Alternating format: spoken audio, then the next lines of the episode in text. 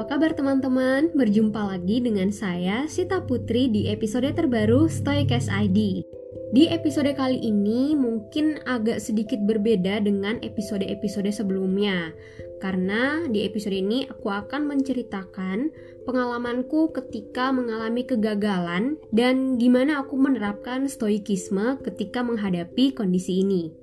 Aku berharap uh, teman-teman yang mendengarkan episode ini akan mendapatkan manfaat dan juga insight baru karena siapa tahu teman-teman juga sedang mengalaminya atau mungkin suatu hari nanti entah kapan teman-teman juga akan mengalami hal yang serupa.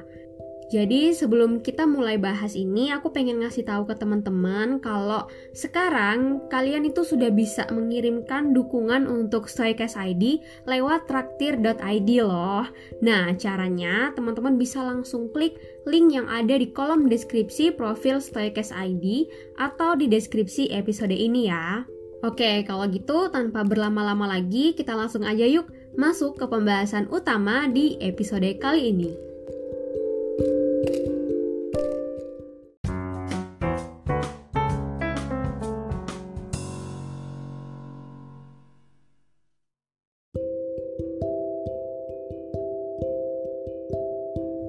Sebelum aku cerita tentang uh, kegagalanku dan latihan yang aku lakukan untuk menghadapi kegagalan ini seperti apa, mungkin aku akan ngasih background dulu.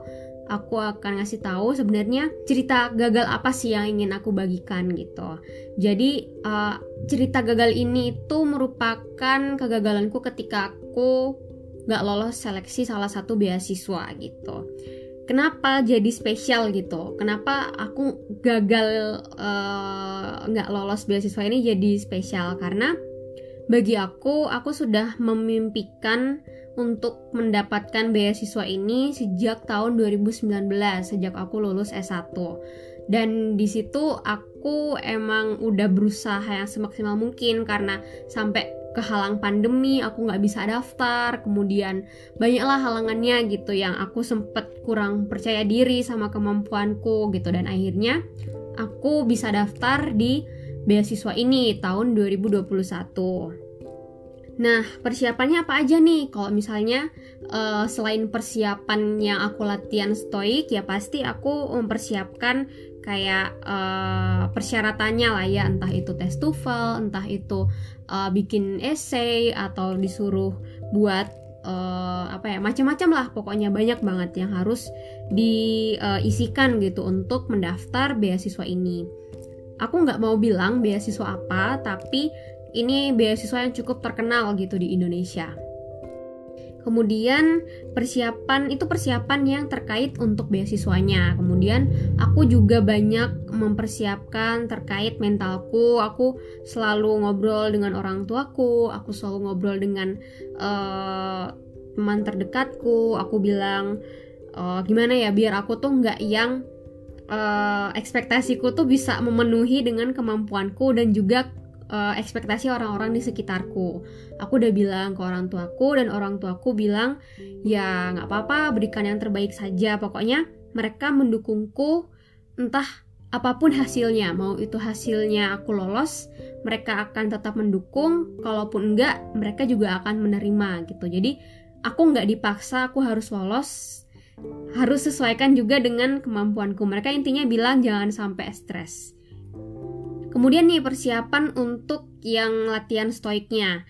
Yang aku lakukan itu ada beberapa latihan. Yang pertama itu terkait uh, premeditatio malorum. Teman-teman pasti udah pernah dengar. Kalau yang belum pernah dengar mungkin bisa ke episode awal-awal episode 3 kalau nggak salah tentang premeditatio malorum. Itu apa? Bisa cari tahu di situ.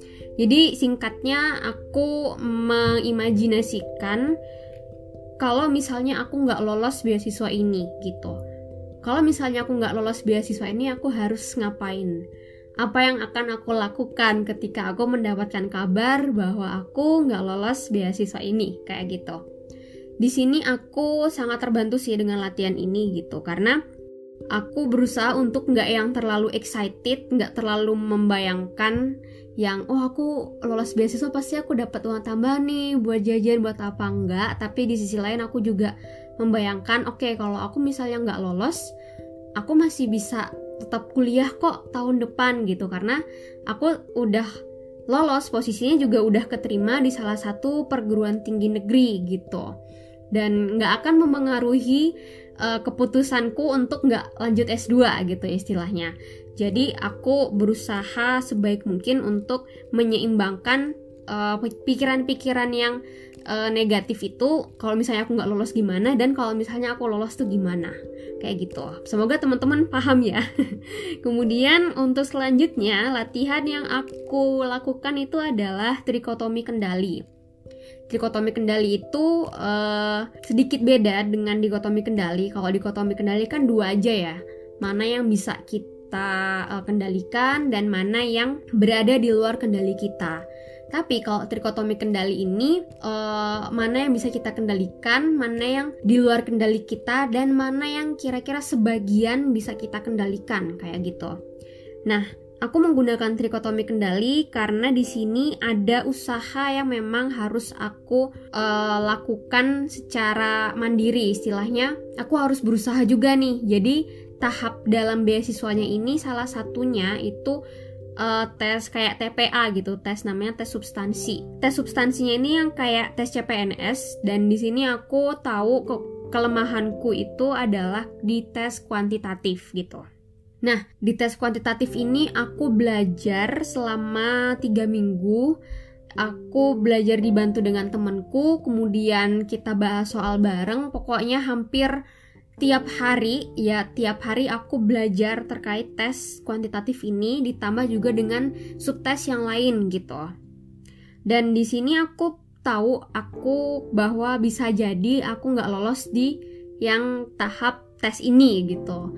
Jadi aku udah mempersiapkan sebaik mungkin dan aku juga udah belajar yang semaksimal mungkin ketika mengerjakan soalnya pas hari H juga aku ya berusaha sebaik mungkin karena ada hal-hal yang memang di luar kendali kita entah itu bentuk soalnya yang beda atau pada saat aku mengerjakan juga ternyata gempa gitu di Jogja yang cukup kuat dan aku nggak bisa ke mana-mana karena kalau misalnya aku keluar atau aku di depan laptop kan tesnya online. Jadi kalau misalnya aku mau keluar mau e, lari ketika gempa aku nggak bisa karena langsung diputuskan koneksi gitu.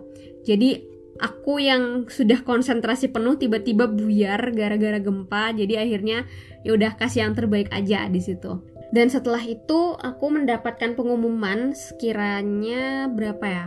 6 hari seminggu setelah tes aku mendapatkan pengumuman dan ya uh, kegagalan itu nyata gitu.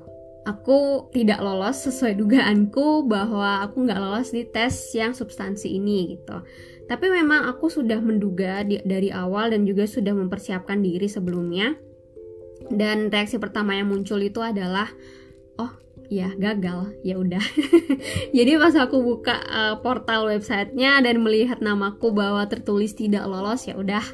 Aku langsung uh, log out. Terus aku uh, yang dilakukan pertama kali adalah aku nggak mau mikirin itu dulu. Aku mau uh, apa ya refreshing pikiranku.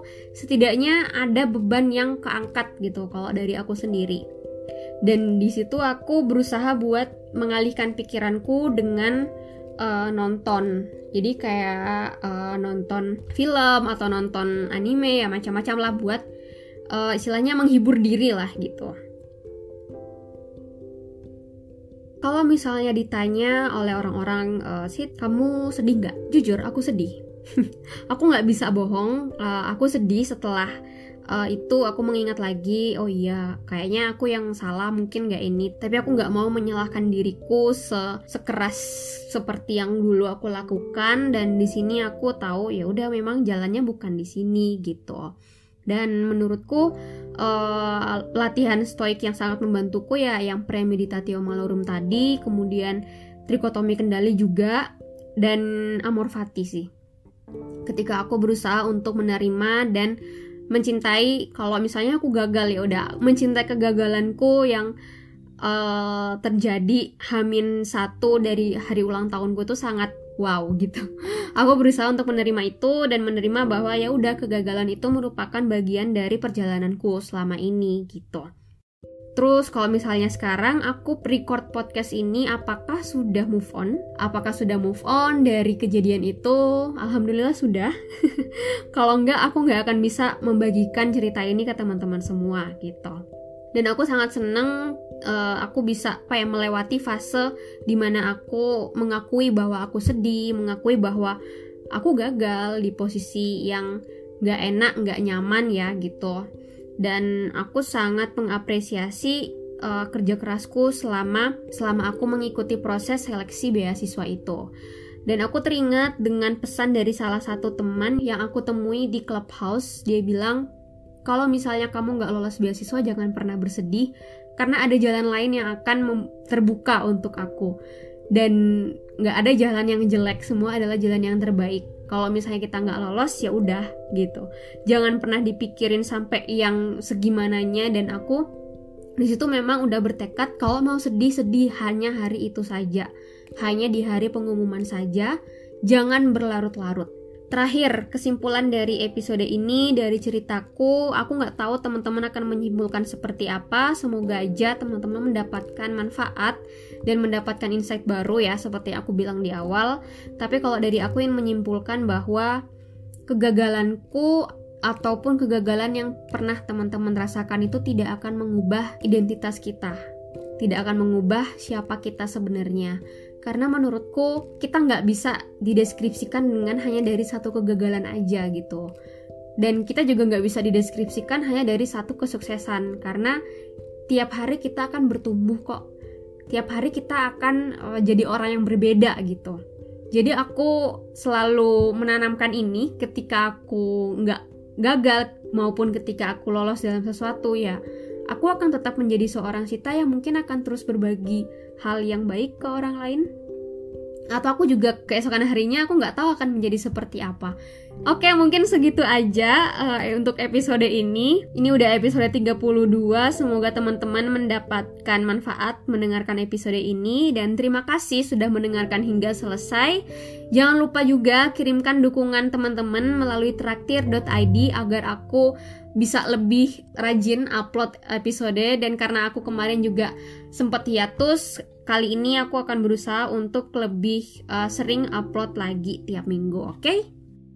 kritik saran pertanyaan atau kalau mau request topik bisa banget ke bit.ly slash id saya Sita Putri pamit sampai jumpa di episode selanjutnya. Bye